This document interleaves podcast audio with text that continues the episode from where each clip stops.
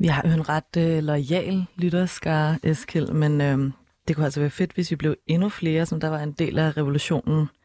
Vi skal huske at bede folk om at dele.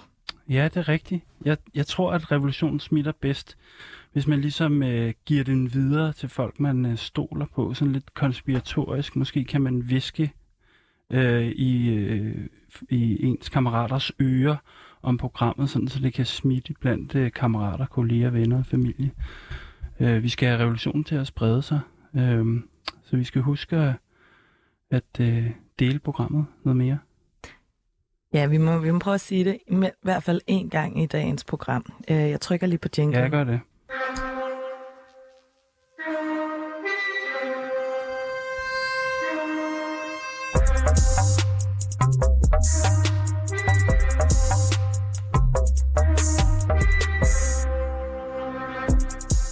Mit navn er Eskil Halberg, og jeg kalder mig selv for kommunist. Jeg længes efter et andet samfund, hvor vi kan være frie i fællesskab. Jeg hedder Laura Henna Blankholm, og jeg er lidt skeptisk over at kalde mig selv for kommunist. Men jeg tror på, at forandringer skal skabes nedefra. Vi er begge vokset op i den neoliberale kapitalisme som den eneste virkelighed. Men vi lever også i en tid med krise og voksende global ulighed overalt, hvor vi kigger hen. Derfor må vi lave det hele om, og derfor må vi arbejde for en revolution. Sammen med eksperter, aktivister, kunstnere og kammerater har vi sat os for at genformulere en kommunisme for det 21. århundrede. En kommunisme med klassekamp, klimakamp og kamp mod racisme. Men hvad betyder revolution egentlig? Hvad kan vi se med fra historien, og hvad skal vi efterlade? I programmet jagter vi det mod og begær, som ulmer over alt. Vi skal finde ud af, hvad der skal rives ned, forløses og bygges op. Vi kommer til at tale om, hvordan et nyt samfund skal se ud, og hvilke strategier vi skal bruge for at nå derhen. Med andre ord skal vi hver tirsdag mødes i et værksted for revolutionen. Vi har kun vores lænker at miste, men en verden at vinde. Ja, velkommen til øh, Revolutionen en verden at vinde. Øh, et vigtigt spørgsmål for revolutionen er jo, hvordan den breder sig. Et oprør et sted, det forbliver jo ofte øh, ganske lokalt. Så øh, hvordan får man et oprør til at sprede sig? Øh, det har jo altid været øh, vigtigt, et vigtigt problem for revolutionen, også for det her program. Øh, vi vil jo også gerne have det her program til at sprede sig. Men ved I hvad? I 1848, der skete det. Overalt i Europa brød et oprør ud mod konge, konger og andre enevældige magter. Næsten alle lande i Europa blev rystet af revolutionen. Og ligesom øh, under den franske revolution i, i 1789, så startede den her revolutionsbølge også i Paris. Der var også en revolution under opsejling i Danmark, og vores radioprogram slogan, vi har kun vores lænker at miste, men en verden at vinde, er også fra det her år 1848. Ja, og i dag der rejser vi igen tilbage i tiden for at forstå de her tidligere revolutionsforsøg. Øh, fordi selvom at de fleste opstande de blev slået ned dengang i 1848, der var Europa alligevel ikke det samme øh, bagefter. Så ligesom da vi genbesøgte den franske revolution fra øh, 1789, der skal vi igen prøve at lære noget af fortiden. Hvorfor bredte revolutionen sig så hurtigt? Hvad var oprørernes tanker og strategier, og hvorfor var det, at øh, den socialistiske og kommunistiske revolution tabte? Så i dag der skal vi også lære noget om, hvordan man på den ene side skal lave brede alliancer i revolutionsforsøg, men omvendt, hvorfor man skal være meget skeptisk og måske aldrig rigtig stole på de borgerlige, øh, når man laver alliancer med dem. Fordi ligesom i dag, der kan politiske allierede altså stadig falde revolutionen i ryggen. Velkommen til.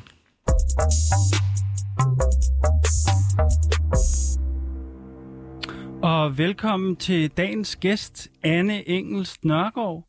Velkommen. Tak for det. Du er lektor i historie ved Universitetet i Trondheim, og så er du jo også øh, ekspert i den her revolutionsbølge i, fra 1848, som vi skal snakke om i dag og lære noget af. Velkommen til. Men ja, ja men øh, jeg kunne godt tænke mig at det spørger alle gæsterne om. Øh, er du kommunist? Mm. Altså, det er ikke et begreb, jeg sådan bruger om mig selv på den måde. Øhm, men altså, nu har jeg jo hørt nogle af jeres programmer, og jeg er enig i den analyse, at at vi ligesom står i, altså, i en hel masse problemer, som, som, som det eksisterende system til synligheden ikke rigtigt formår at løse. Altså, og her tænker jeg selvfølgelig først og fremmest på klimakrisen og den kæmpe store globale ulighed, øh, udbytning af rigtig mange mennesker, især i det globale syd. Øh, så, så Ja. du køber, du køber no, nogle af præmisserne i hvert fald. Skide godt.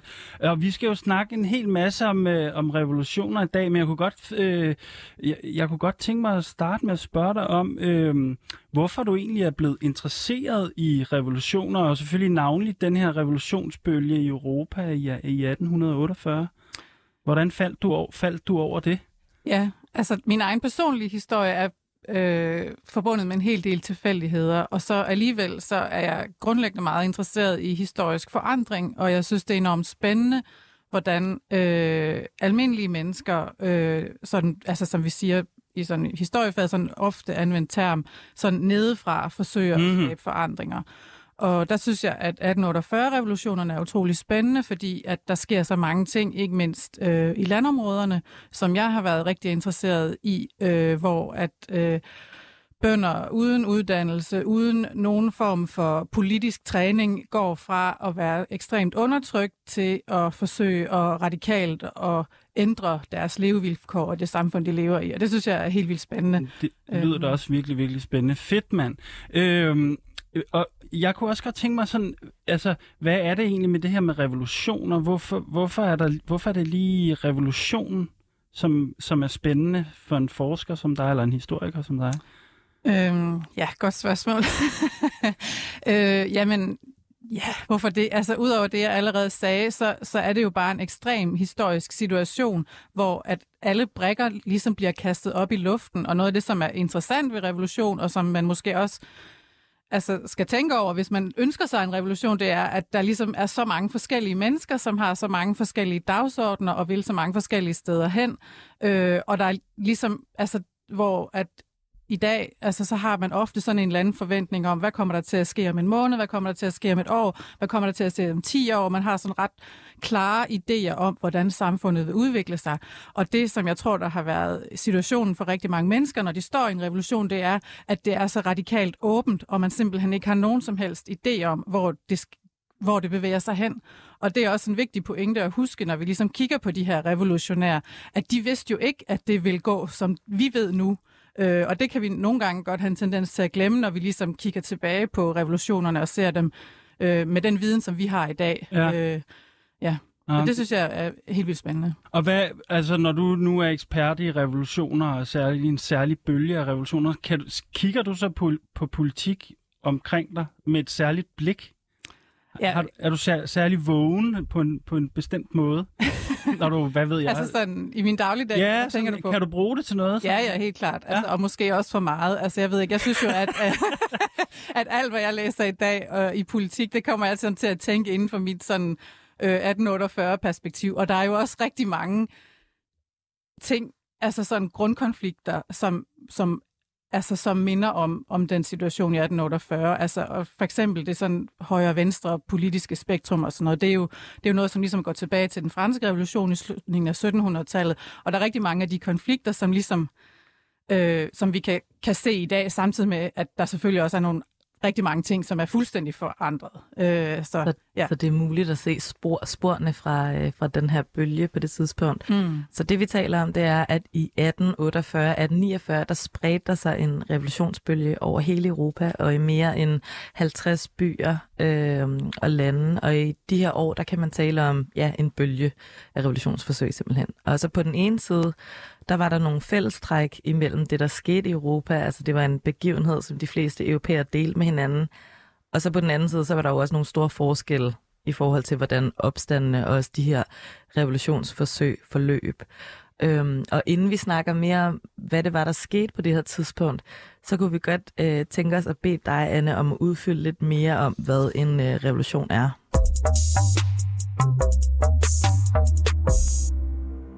Ja, fordi det her revolutionsbegreb, det bruger vi jo faktisk enormt meget i vores radio, men, det kunne, så, men, men nu har vi jo faktisk en, en revolutionsekspert i studiet, så det kunne være meget fedt, øh, at du lige satte nogle ord på, hvordan man sådan, øh, ja, hvordan forstår man det her begreb? Øh, øh, ja, hvordan definerer man en revolution? Ja, Øh, altså, det er jo et begreb, som faktisk i dag har ekstremt bred betydning. Altså, og det bliver jo både brugt om politiske revolutioner, som vi snakker om her, men det bliver jo også brugt i dag sådan, på sådan en rimelig meget poppet måde. Altså, så nu har vi sådan en revolutionerende ny teknologi inden for øh, hvad hedder det, barberskraber eller et eller andet. Ikke? Øh, og, og, så på den måde så er det også et begreb, som ligesom har fået en ekstremt bred betydning og bliver brugt af rigtig mange til at forklare et eller andet, som hensyder til radikale forandringer. Hvis vi ser på sådan historiske politiske revolutioner, så kan jeg godt lide at bruge den øh, øh, definition, som en øh, amerikansk øh, teoretiker og sociolog, øh, Theda Scotchpole, har, har lavet, som, som lyder sådan her. Revolution er en hastig, grundlæggende forandring af et samfunds stats- og klassestruktur, ledsaget af klassebaseret oprør fra neden. Og det vil altså sige, at du ligesom har en, en gennemgående forandring af samfundet, sådan styreform, og hvordan det sådan ligesom er indrettet, øh, stats- eller klassestruktur, et eller andet, øh, samtidig med, at du også har de her oprør fra neden. Øh, ja, øh, så ja. Ja, og jeg kan huske, sidst vi lavede det her, mm. øh, hvor vi gik tilbage i historien, der nævnte Nikolaj von Egger, som var den anden revolutionsekspert, vi havde med tidligere, han nævnte det her med, at der var nogen, der talte om en politisk revolution, og så var der nogen, der talte om social revolution. Kan du sige lidt om de ja. der to begreber også? Ja, helt sikkert. Øhm, altså, det er jo sådan, et, altså, man, det er jo sådan typisk, at man ligesom skældner mellem det, sådan det politiske revolution og det sociale revolution, hvor at det politiske så henviser til for eksempel den forandring, der sker inden for jamen sådan Jamen, altså, måske kan jeg lige starte et andet sted. Jeg synes egentlig, at det, den skældning er lidt kunstig. Fordi okay. at, altså, jeg synes ikke nødvendigvis, at det giver mening at sige, at det er sådan det sociale revolution, altså revolutionen, som kommer ned fra revolutionen i de sociale øh, strukturer, for eksempel, at den ikke også er politisk. Øh, mm. men, men typisk, og det var i hvert fald også den måde, man brugte begreberne på i samtiden, øh, så henviste man med politisk til det, man nærmest kan kalde sådan lidt højpolitisk. Altså det, som foregår i ministerier og øh, omkring kongen, omkring skabelsen af et parlament og alle sådan noget. Det parlamentariske på en eller anden måde? Eller? Ja, og, så, og så er der ligesom også den sociale revolution. Sådan er det i hvert fald for 1848. Det er ikke sikkert, at det var det, Nikolaj han mente. Nej, nej. Øhm, og det, men altså, i 1848, der laver man ligesom den her skældning mellem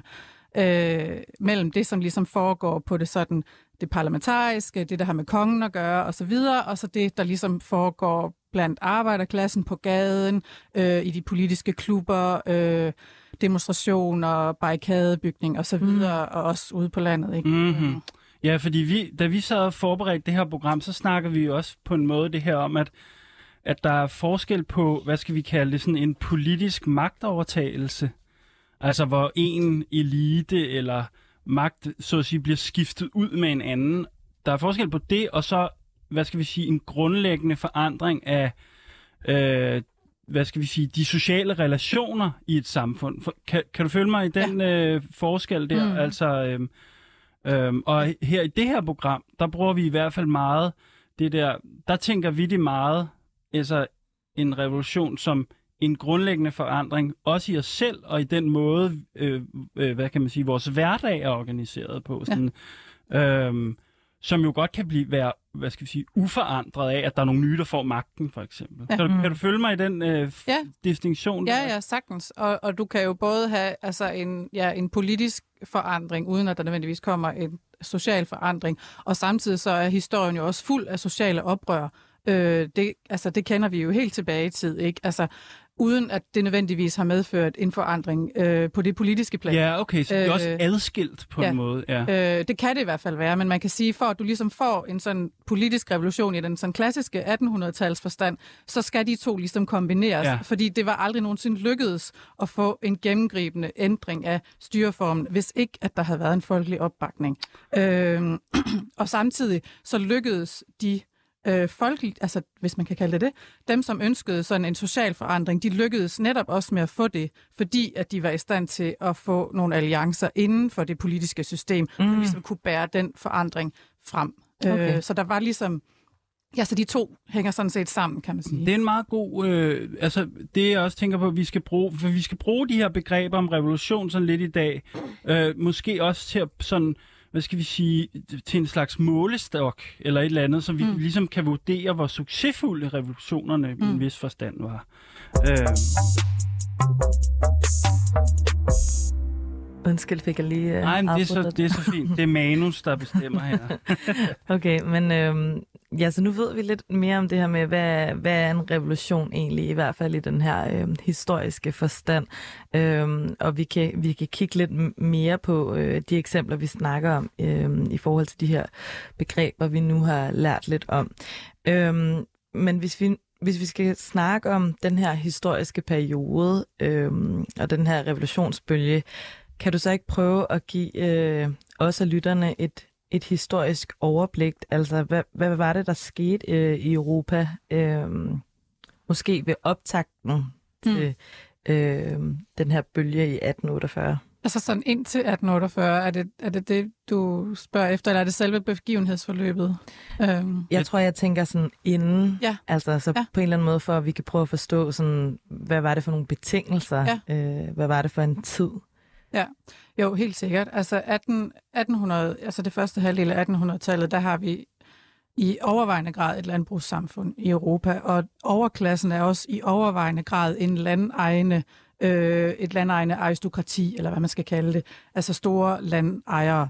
Øhm, og siden 1820'erne, der har man haft en gen, øh, generel, øh, til dels en befolkningstilvækst, øh, samtidig med, at som har ført til, at lønningerne ligesom er, er altså reallønnerne er faldet rimelig meget, fordi der er flere øh, mennesker på arbejdsmarkedet, så lønningerne bliver ligesom presset ned, og der er rigtig mange folk, som ikke er i stand til at finde et arbejde, som kan betale øh, for, for livet og vejen. Og så er der selvfølgelig også rigtig store forskelle internt i Europa. Altså ja. hvis du er hvis du ser til Østeuropa, der har man jo et feudalt system, øh, hvor man har et ekstremt øh, klassedelt samfund, hvor langt størstedelen af befolkningen er det, som man kalder livegne bønder.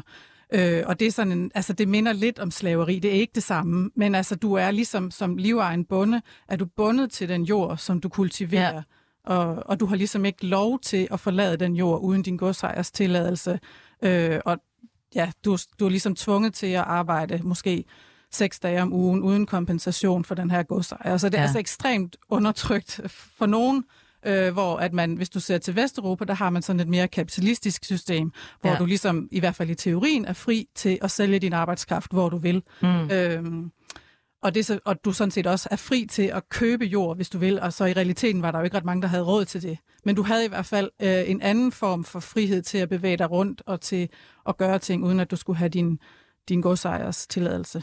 Så i forhold til det her med, jamen hvis du var en bonde eller en arbejder på det mm. tidspunkt, mm. så dit liv, hvordan det er, det, det er sådan afhængigt også lidt af geografi, altså hvor du er placeret. Men altså, hvis vi nu skal tage udgangspunkt i Vesteuropa eller, eller Nordeuropa, øh, hvad var det så for et liv, man havde øh, som bonde på det tidspunkt?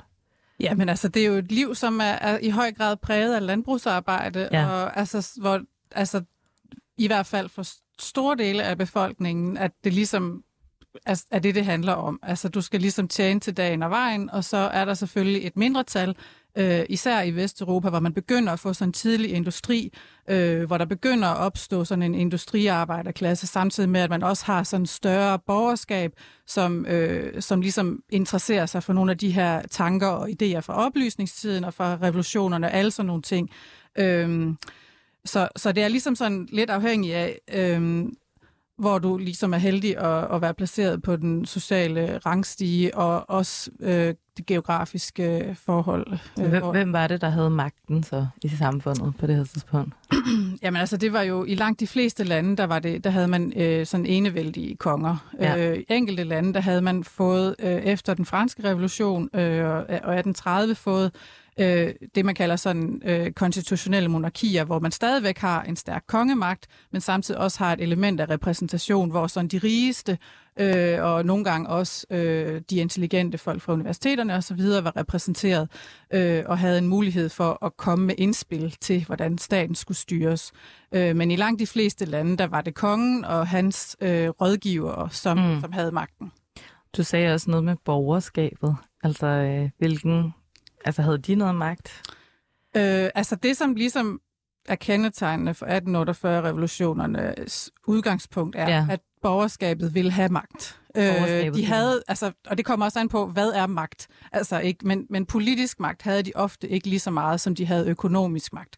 Øh, og altså borgerskabet, det er jo sådan, jamen, jurister, læger, apotekere, øh, altså folk i byerne, som har øh, altså relativt øh, frie liv, kan gå på salon, eller det, det ved jeg ikke, om man gjorde så meget på det her tidspunkt. Mm-hmm. Det har i hvert fald gjort tidligere, ikke? men du kan ligesom mødes og diskutere politiske idéer og forskellige yeah. ting. Så på den måde, så havde du jo et helt andet liv, end hvis du var bonde. Ikke? Mm. Øhm, men, men de ønskede sig at få politisk magt, som de mente, at de var berettiget til, fordi at de ligesom var intelligente og havde indsigt og sådan mm-hmm. nogle ting. Du skal endelig bare tage en tavern. Ja, tak. For det. der er ikke, vi har ikke så travlt. Øhm, jeg tænkte også på, så, så du siger, borgerskabet, de vil ligesom, de vil gerne have noget magt, eller de vil, de vil have noget politisk indflydelse. Øhm, men hvad var det så, der skete, da det var folk, øh, de gerne ville, altså da folk de gjorde oprør? Altså, hvor, hvor kommer det fra? Hvem, hvem er det, som der, som der gør det?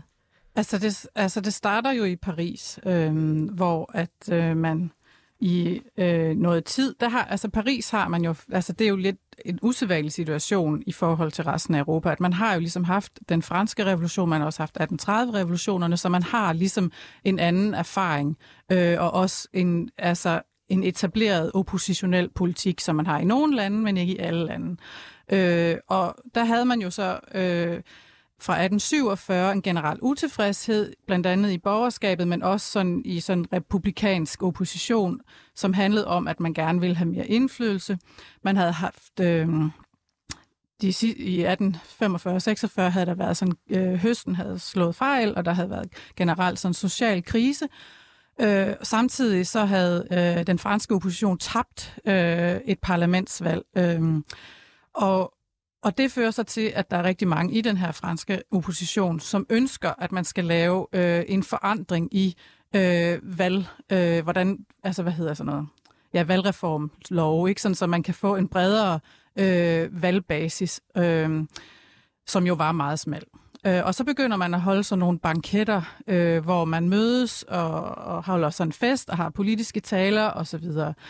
Og det udvikler sig så i øh, februar øh, 1848 til øh, demonstrationer. Øh, og der kommer hurtigt øh, sammenstød mellem demonstranter og, og, og ordensmagten. Øh, og så begynder man at bygge barrikader i Paris, øh, og samtidig så er soldaterne ligesom tøvende over for at åbne ild mod de her øh, demonstranter.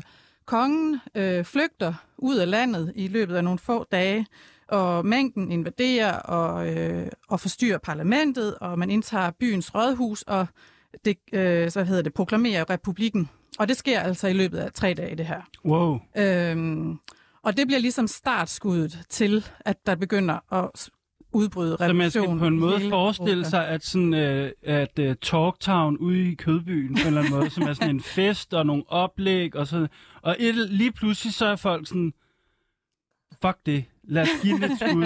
er, er det sådan lidt, lidt sådan, man skal forstå det? Ja, det er nok ikke helt ved siden af. Øh, samtidig vil jeg lidt svært ved at se for ja. mig, at Talktown skulle udvikle sig til ja. barrikadebyggeri. Nu var det bare lige det, jeg havde men, i øh, tankerne. Men, men, men altså, øh, det er jo bare for... Tage, hvad man kan få. Ja, ja, nå, præcis. Okay. Nå, Jamen, det er jo vildt spændende det her med, at det også går så hurtigt. Altså. Ja. Øhm, men så spreder det sig. Ja. Altså lynhurtigt over hele Europa. Kan du sige ja. et, lidt et par ord om, om den proces? Altså... Ja, altså man kan sige, at øh, altså revolutionen spreder sig ligesom gennem eksemplet, ikke? Og så, altså, så griber folk, øh, borgerlige og, øh, og også sådan mere sådan øh, radikale i øh, europæiske byer, de griber ligesom faklen og begynder at lave massemøder, gadedemonstrationer, og der kommer sammenstød mellem mængden af autoriteter. Og så kommer der ligesom så ja, revolution i München 4. marts, Wien 13. marts, Budapest 15. marts, Venedig og Krakow 17. marts, Milano og Berlin 18. marts, 19. marts, øh, der har vi helt over i øh, noget den lille del af Ukraine, som var en del af det Habsburgske ja. på det her tidspunkt, proklamationer om revolution. Øhm, den, øh, I starten af, den, af sådan, hvad hedder det, den 21. marts, så har vi ligesom i Danmark, det er jo ikke en rigtig revolution, men du ved, der sker ligesom nogle steder, der kommer der ligesom decideret revolution, hvor man får bygget barrikader, øh, og, og har man har sammenstød, og så er der også nogle andre lande, hvor at der kommer øh, hvad hedder det, sådan demonstrationer, og hvor at kongen eller dem, som ligesom sidder på magten, de formår ligesom at imødekomme dem og sige, okay, I mm. får jeres re- reformer, okay. hvis de bare... så, og, så, og, så, og så bliver det lige, så, så kommer det ligesom aldrig dertil. Altså, det er jo helt vildt at tænke på, at man, at man selv har gang i en opstand, og så kan man inden for en måned sådan mm. læse i, jeg ved ikke, hvordan, det er jo også noget, vi skal snakke om, hvordan fanden folk kommunikerer, men at man man ligesom har lavet barrikader i den by, man bor i, og så kan man læse i avisen, ja.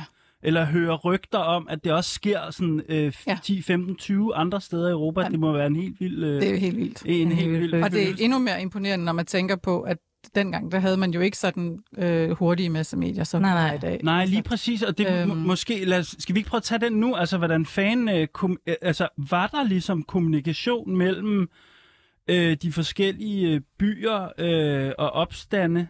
Altså, øh, hvad fanden gjorde man? Øh, man havde det er jo ikke Twitter. Altså, men, man havde ikke men, Twitter. Nej, det havde man ikke. Men altså, man havde jo... Øh, Altså, man havde jo information om, hvad der skete. Man havde aviser, man havde pamfletter, man havde ligesom, altså folk, der var jo folk, der rejste rundt, og, ja. og nyhederne bevægede sig med en langsommere hast, end vi kender til det i dag, men, men så langsomt gik det heller ikke.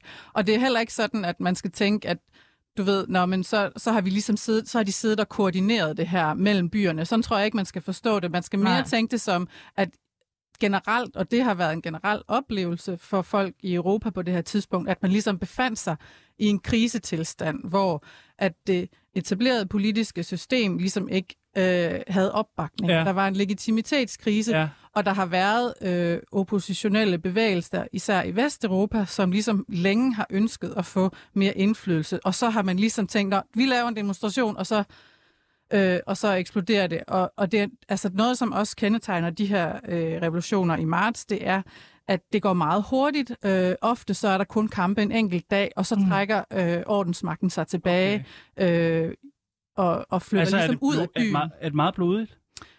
Altså, meget og meget. Altså, ja. ja det, er, det, er, det er jo kampe, men, men det er ikke sådan, at, altså, at det er gået over i historien som sådan vældig blodig øh, oprør på den måde. Der, der tror jeg mere, man ser på det, der så sker i juni okay. i, i Paris, hvor okay. der kommer ja, sådan, det bliver lidt mere blodigt. Ja, okay. Mm. Men jeg kunne godt tænke mig, inden vi skal videre, sådan ligesom at høre lidt om, altså, hvordan folk var organiseret. Var, var der fagforeninger eller partier? Du nævner også noget med nogle klubber og sådan noget. Altså, det som man måske hellere kan sige, det er, at folk blev organiseret på grund af revolutionen. Det er jo øh, også spændende, det der. Ja, øh, og altså, der var... Øh, Altså det var jo på det her tidspunkt, så var de politiske idealer nogle helt andre, end dem vi kender i dag. Og der havde man ligesom sådan nogle idéer om, at det var sådan oplyste, fornuftige borgere, som mødtes og diskuterede sammen øh, og kom frem til det rette og det sande. Det var ligesom det ideal, som dem, der sad på magten, eller dem, som, som i borgerskabet ønskede at få magten gennem parlament. Øh, så der var det ligesom ikke, altså der var det sådan set illeset at have partier, som for eksempel repræsenterede en bestemt befolkningsgruppe. Så men det man i stedet for havde, det var, at man havde ja, foreninger, associationer.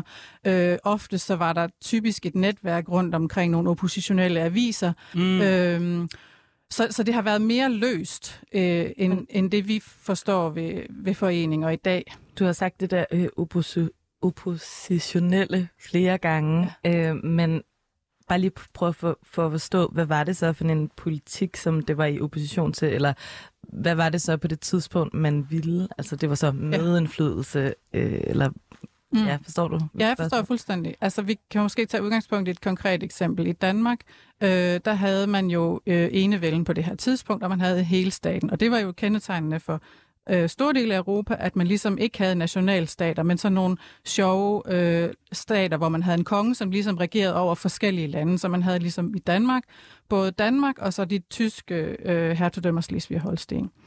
Øh, og den enevældens politik var, at man skulle ligesom have en hel stat med en meget begrænset øh, repræsentation, som man havde haft gennem stænderforsamlinger, som ligesom var sådan en slags klassevalg, hvor at de forskellige samfundsgrupper vælger deres egne repræsentanter, mm-hmm. og så mødes de og diskutere, øh, hvad hedder det, anbefalinger til kongen. Så det var ikke, de havde ligesom ikke nogen reel magt. De havde bare mulighed for at give anbefalinger. Og den oppositionelle politik fra øh, fra borgerskabet handlede så om, at man skulle have et øh, nationalt, øh, en national stat, at man ønskede at etablere et stat, som tog udgangspunkt i sådan en idé om folket, som både var øh, socialt i den forstand, at det var sådan mere nedefra opsyns, øh, hvad hedder det, synspunkt, samtidig med, at det også var mere nationalt defineret. Så der ønskede man ligesom Ja, egentlig altså fortsat at have en konge, og man ønskede fortsat at beholde mange af de ting, som, et, var, som eksisterede, samtidig med, at man også mhm. ønskede mm-hmm. at få mere øhm, indflydelse, især til dem selv. Udmærket. Der er, der er virkelig meget, vi skal nå omkring her, men vi, vi må, ja, øhm, men lad os prøve at, at tage et, øh, et andet interessant sted hen, nemlig Østeuropa. Mm.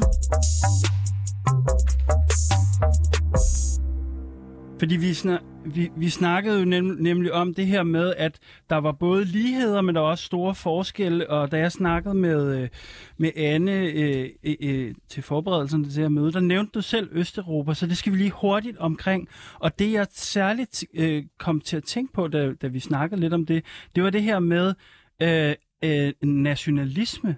Kan det passe?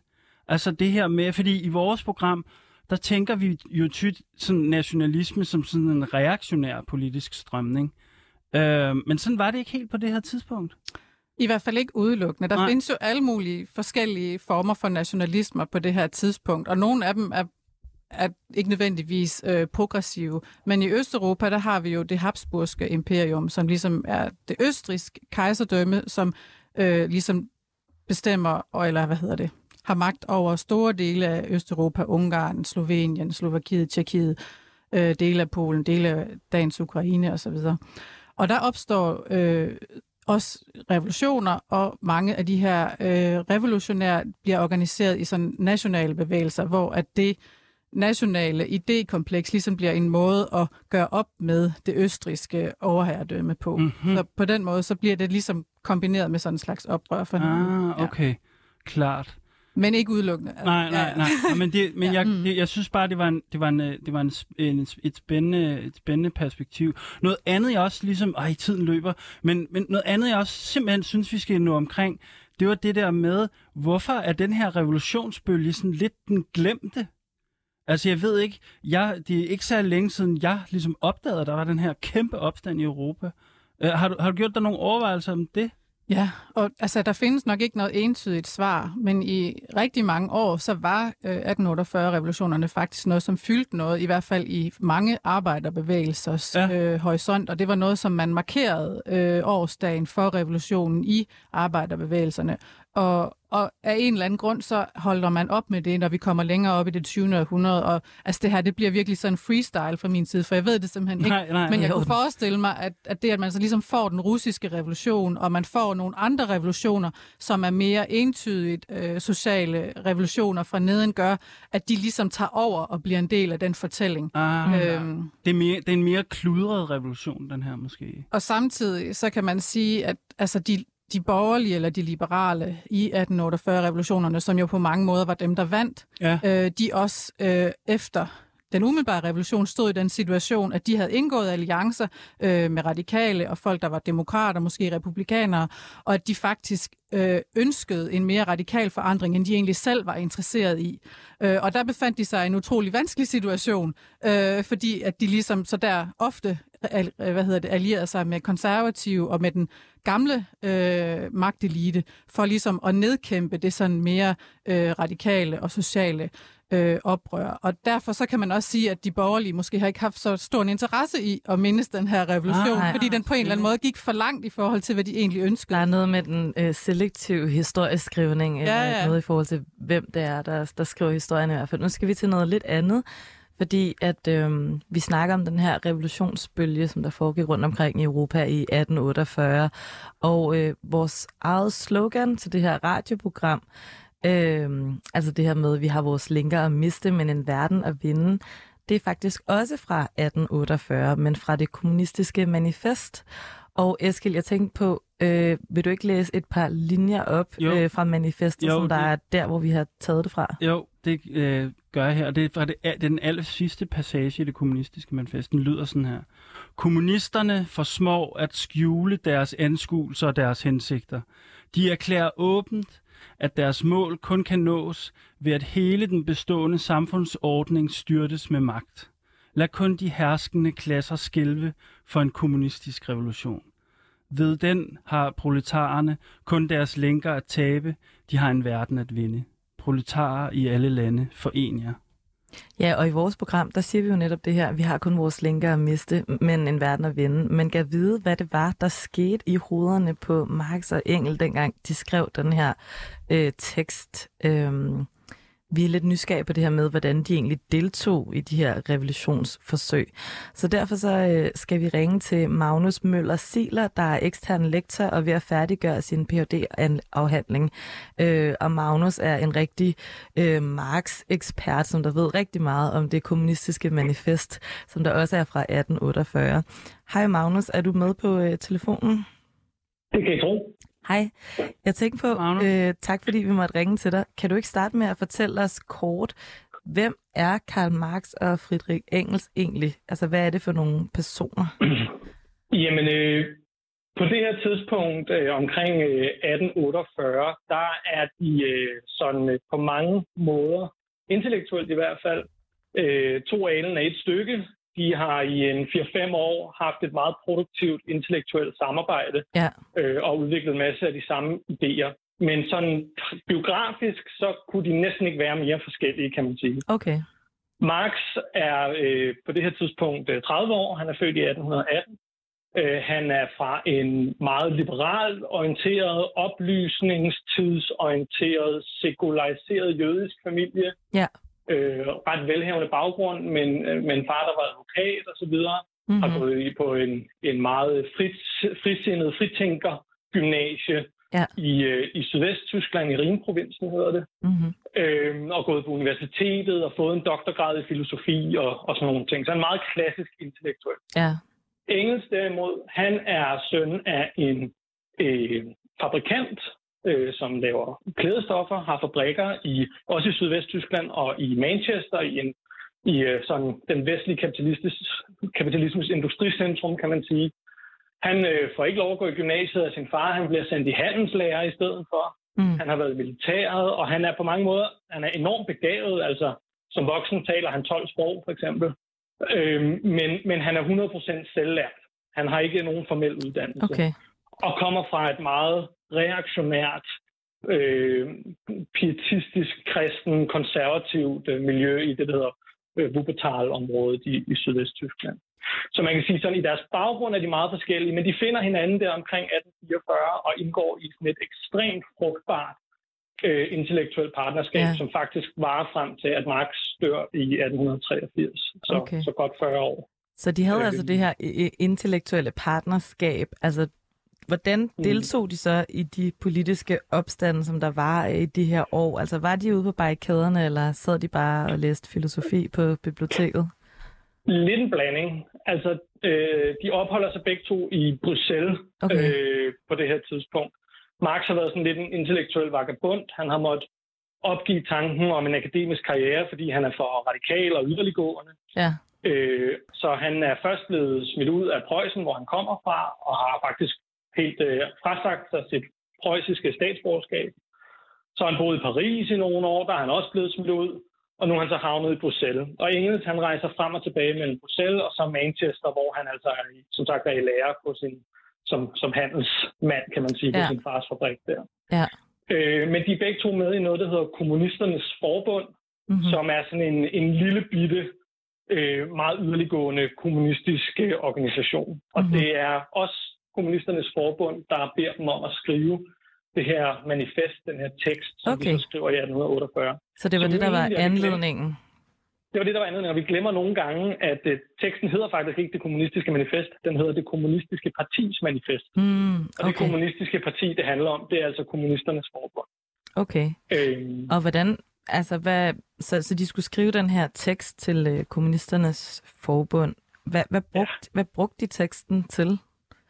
Jamen, øh, som, som øh, Eskild også øh, læste op lige før, så, øh, så har de den her idé om, at, at kommunisterne ligesom skal træde frem i det åbne. Ja. og fortælle, hvad er det rent faktisk, Ja. vi vil. Ja. Men altså dårligt nok er den her tekst jo færdig, før der så udbryder de her opstande i Paris, og Marx og Engels starter faktisk med at rejse til Paris, og så derfra okay. har de videre hjem til Tyskland. Øh, og med sig under armen, bogstaveligt talt i kufferten, Ja. har de tusind frisktrykte eksemplarer af det her manifest, ja. Og så også nogle flyveblade, Ja, hvor, Nu er der nu. er, hvor, der, hvor der er nogle konkrete krav opsummeret som på en side. ja, Øh, men ret hurtigt går det op for mig, at de kan faktisk ikke bruge det her til noget. okay. Fordi de er alt for radikale, de her krav. Øh, alt for yderliggående. øh, som Det lyder bekendt, det lyder bekendt på mange måder, den her oplevelse.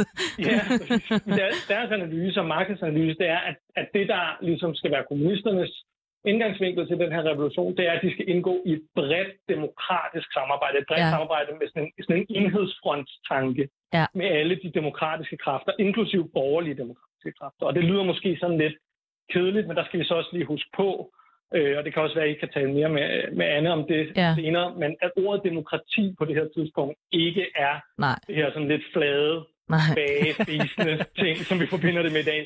Det er den mest radikale position i sådan den, den borgerlige revolutionære bevægelse. Ja. Det er demokraterne.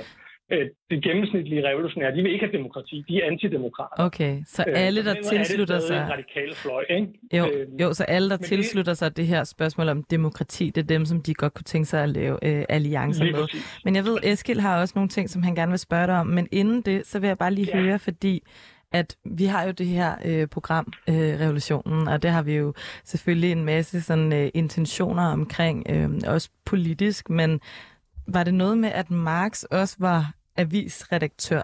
Altså var det, Ja. en, var det en strategi, som der var en, en del Yes. af hans øh, praksis på en eller anden måde? Det er simpelthen det, de gør, da de tager tilbage til Tyskland, det er, at de laver en avis. Øh, De tager tilbage, de, de tænker, de kan ikke bruge manifestet til så meget her i, i Paris. Nej, de tager er- tilbage de og laver en de avis. Laver en, de laver en avis, som hedder Neue Rheinische Zeitung, altså den nye Rhinland, rhinlandske avis. Øh, der har tidligere været en anden avis, som hed den rhinlandske avis, så det er derfor, det er den nye. Øhm, og den giver de sig til at udgive. Marx er chefredaktør, Engels er også redaktør, og det er Ja. i starten deres primære sådan revolutionære praksis, om man så må sige, det er, at de laver den her avis Okay, som faktisk ikke er særlig agiterende. Det den, den har sloganet Organ for Demokratiet, så igen, det er den her Ja. brede demokratiske front. ja. Den er observerende, den Ja. er berettende, og Ja. så, så er den meget sådan ironisk og sarkastisk okay. berettende om, hvad det er, der sker. Den, den er ikke direkte polemiserende sådan og agitatorisk, men den beretter sådan med, med ironi og sarkasme om alle de idiotiske forslag, der bliver vedtaget i Frankfurt-parlamentet, og hvad har den østrigske kejser nu sagt af dumme ting? Og så, Så de videre, ikke? prøver faktisk at gøre det sådan lidt tilgængeligt, Ja, øh, måske sådan lidt præcis. populistisk på en eller anden måde. Der er jo Ja. helt klart nok været en, en, nogle tanker bag det. Ja. Hvad Jeg siger kan du, måske lige Esk? få med, at, at i slutningen af, af revolutionen i 49, der ender det faktisk med, at der bliver den her vis blevet lukket med og så Ja. De har lidt opgivet den her position med den her enhed, demokratiske enhedsfront, og der ender Engels faktisk med at, at deltage i, i sådan konkrete revolutionære kampe som, som soldat simpelthen i, Okay, i sådan et frikorps, øh, socialistisk frikorps under en, der hedder August Willig, mm. øh, som er sådan en socialistleder. okay. Øh, og, og vi ved i hvert fald, at Engels er med i, i fire, sådan, øh, mindst fire træfninger, altså hvor han med gevær i hånd øh, kæmper med regeringstropper. okay. Så, Men først, ellers så først prøvede han at være avisredaktør, og så deltog han i langt, langt det meste af tiden, der er Marx og Engels, de, de bruger deres krudt på det her, øh, Ja. på det her avisprojekt, som Mm. er enormt vigtigt. Det er, de når en, et oplag på omkring 5.000 eksem- eksemplarer, som gør det til en af de absolut største aviser i, i hele det tysktalende område, Ja. øh, inklusive Østrig, det østriske imperie på det her tidspunkt. Så det Jeg er ved, jeg ved, virkelig Eskil har, jeg ved, Eskil har Ja. et spørgsmål, som han godt kunne tænke sig at stille, Ja, hej- også om hej. manifestet. Hej Magnus, godt vi lige kunne ringe Hej, til dig. Øhm, hvad hedder det? altså, det var, det, det var bare fordi, jeg faktisk øh, jeg læste det kommunistiske manifest her for nyligt, fordi jeg faktisk, mm. faktisk skulle bruge det i en anden sammenhæng, sjovt nok. Men, men øh, og der slog det mig sådan, hvad, altså, det var bare en lille smule mere om, hvad det er for en slags tekst. Det kan tænke, at vi lige kunne snakke de Ja. sidste par minutter om det. Altså, fordi det er, en, det er en lidt sjov tekst. Den er sådan, der er mange slagord i, som vi også bruger her i Mm. radioprogrammet, og den er også sådan poetisk i nogle, øh, Mm. i nogle øh, afsnit, øh, sådan, men den er også meget realpolitisk. Der er for eksempel sådan nogle Ja. krav om øh, offentlig transport og progressiv beskatning og sådan noget. Altså, Ja. øhm, er, er, altså, er det bare mig, eller er det ikke en lidt besynderlig tekst? Hvad, hvad, hvad tænker du, vi, kan vi bruge den i dag, altså den tekst der? Øhm, det tænker jeg godt, vi kan, men jeg tror, vi skal passe på, som man gjorde øh, især i det 20. århundrede, og især øh, efter 1917 i sådan den officielle sovjetmarxisme osv., hvor det blev ja. sådan et af de grundlæggende dokumenter, som ligesom var en, en del af udarbejdelsen af den her totale verdensanskuelse om, hvordan alting virkelig hænger sammen. Mm-hmm. Altså, det, det må vi ikke gøre, men vi skal heller ikke bare reducere det til et historisk dokument. Vi er nødt til at finde en balance. Fordi der var ligesom sådan en sjov tendens, både fra, fra i hvert fald de sovjettro kommunister og deres modstandere under den kolde krig, at det kommunistiske manifest, fordi det ligesom indgik i, i sovjetkommunismens egen myteopbygning, så blev det anskuet som et, et samtidigt dokument. Ah. Altså at ved at læse det kommunistiske manifest, så kunne man uanset om man var kommunist eller man var antikommunist, så kunne man finde ud af noget om, hvad man mener. Ja, klart, klart. Og, og, og det skal vi ligesom passe på, ja, tror jeg. Men ja. jeg tror, der er masser af ting i at hente i manifestet i forhold til, øhm, en, altså især hvordan vi skal anskue magt og politik.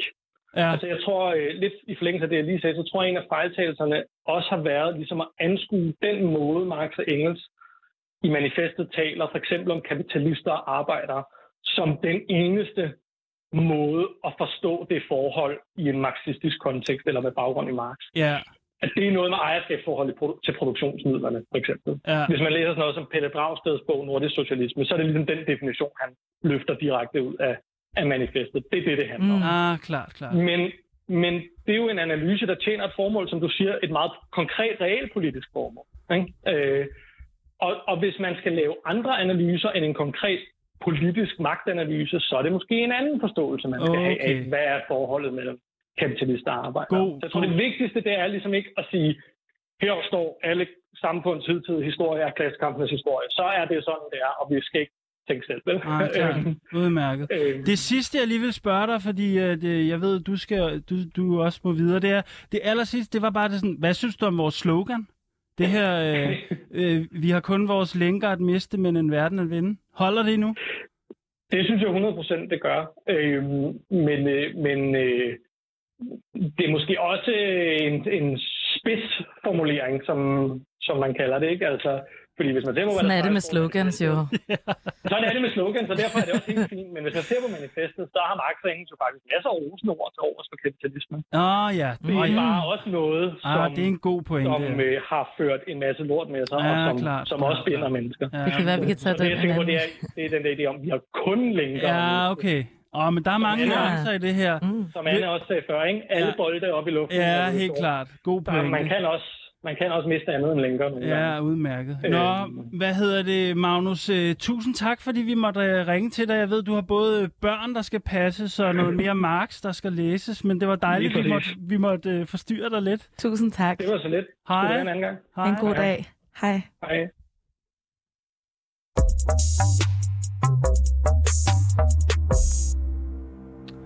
Nå, tiden iler her, vi har meget, vi skal omkring, men, men jeg kunne godt tænke mig, altså, fordi øh, du nævnte det en lille smule, Anne, øh, nu er vi tilbage i studiet, det var øh, sjovt lige at være en, en tur øh, nede øh, hos Marx og Engels i fortiden, men, men, men, øh, men nu skal vi lidt, som, lidt til Danmark, fordi du nævnte det her med, at der også ligesom var en revolutionsforsøg, eller bølgen kom ligesom også lidt til Danmark. Øh, kan du ikke bare fortælle en lille smule om sådan, øh, hvad skete der i Danmark? Jo, altså det, der skete i Danmark, det var, at man havde ligesom i løbet af et par årtier før 1848, havde man fået etableret en, en opposition. Øh, at man var begyndt at diskutere i aviser, der var ligesom begrænsninger på, hvad man kunne trykke, men man havde ligesom fået en offentlig debat, som ellers havde været nærmest fuldstændig undertrykt frem til ca. 1830. Øhm, og der var ligesom øh, et, det, som jeg kalder de liberale, man kalder dem også nogle gange de nationalliberale i Danmark, som ligesom var sådan borgerskabet, som ligesom førte an i den her opposition, som dels ønskede en styreform, man ønskede begrænsninger på kongens magt. I en enevælden, der er kongen jo ligesom både den udøvende, den dømmende og den lovgivende magt.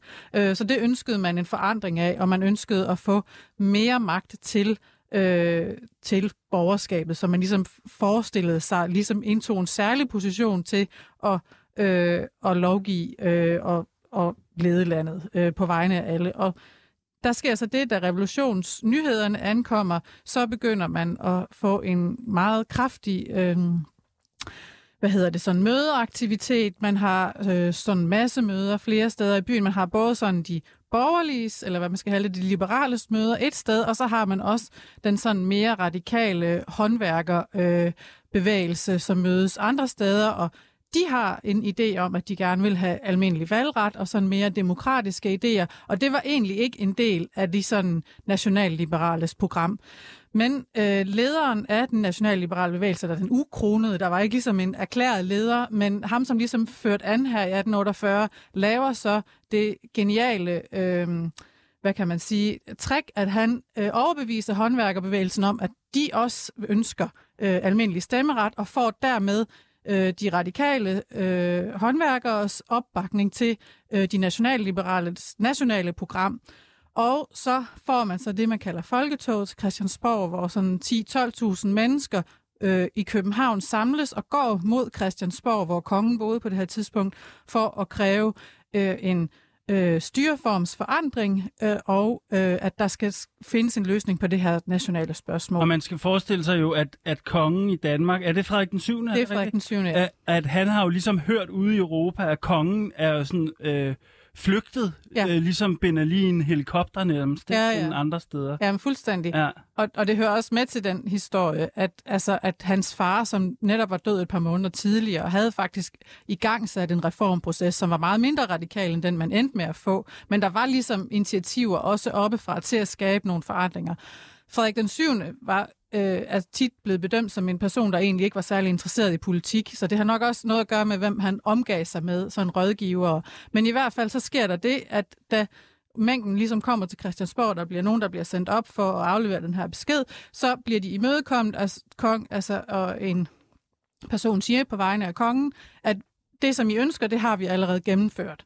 Øh, fordi at man simpelthen... Og det, ja, altså, Vi er ligesom, kommet jer i forkøbet. Ja. Men et håndgribeligt eksempel på noget, som øh, der skete som et resultat af, af den her revolution, eller også det, der skete i Danmark, det er jo grundloven, ja. øhm, som der også var øh, her i 18, eller grundloven af 1849. Ja. At, at, er det rigtigt? Altså, det var... Det, det skete som et resultat af, af de her opstande. Ja, fuldstændig. Og det er jo ligesom det, der sker, så at det er jo det, de ønsker. De skal ønsker, at vi skal have en, en forfatning. Og så bliver der ligesom standet et nyt liberalt ministerium, som får til opgave, at man skal skrive et udkast til en forfatning, og så bliver der valgt en, lov, altså en grundlovgivende forsamling, en slags nationalforsamling, øh, som er de første sådan nationale valg, vi har i Danmark, hvor at de så mødes fra oktober 1848 og frem til maj 1849 og diskuterer den her grundlovstekst, som så ligesom bliver øh, det resultat, øh, det, ja, det håndgribelige resultat af, af, af den her øh, næsten revolution i Danmark. Og tidligere der snakkede vi om det her med en øh, social revolution eller en politisk revolution. Altså er det noget, der sker i det politiske miljø eller i alle dele af livet? Altså er grundloven på den måde en politisk sejr? Eller er det en halv sejr, der, fordi det fastholder nogle magtforhold? Hvad tror du?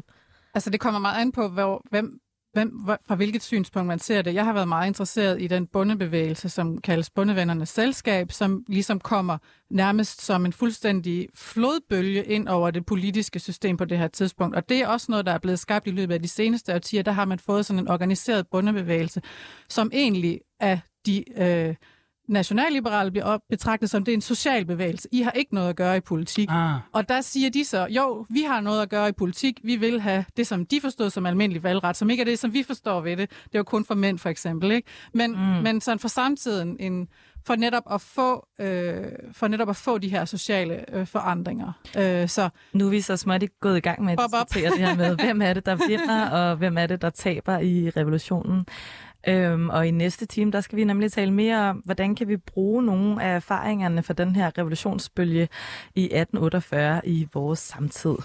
Vi høres ved i anden time.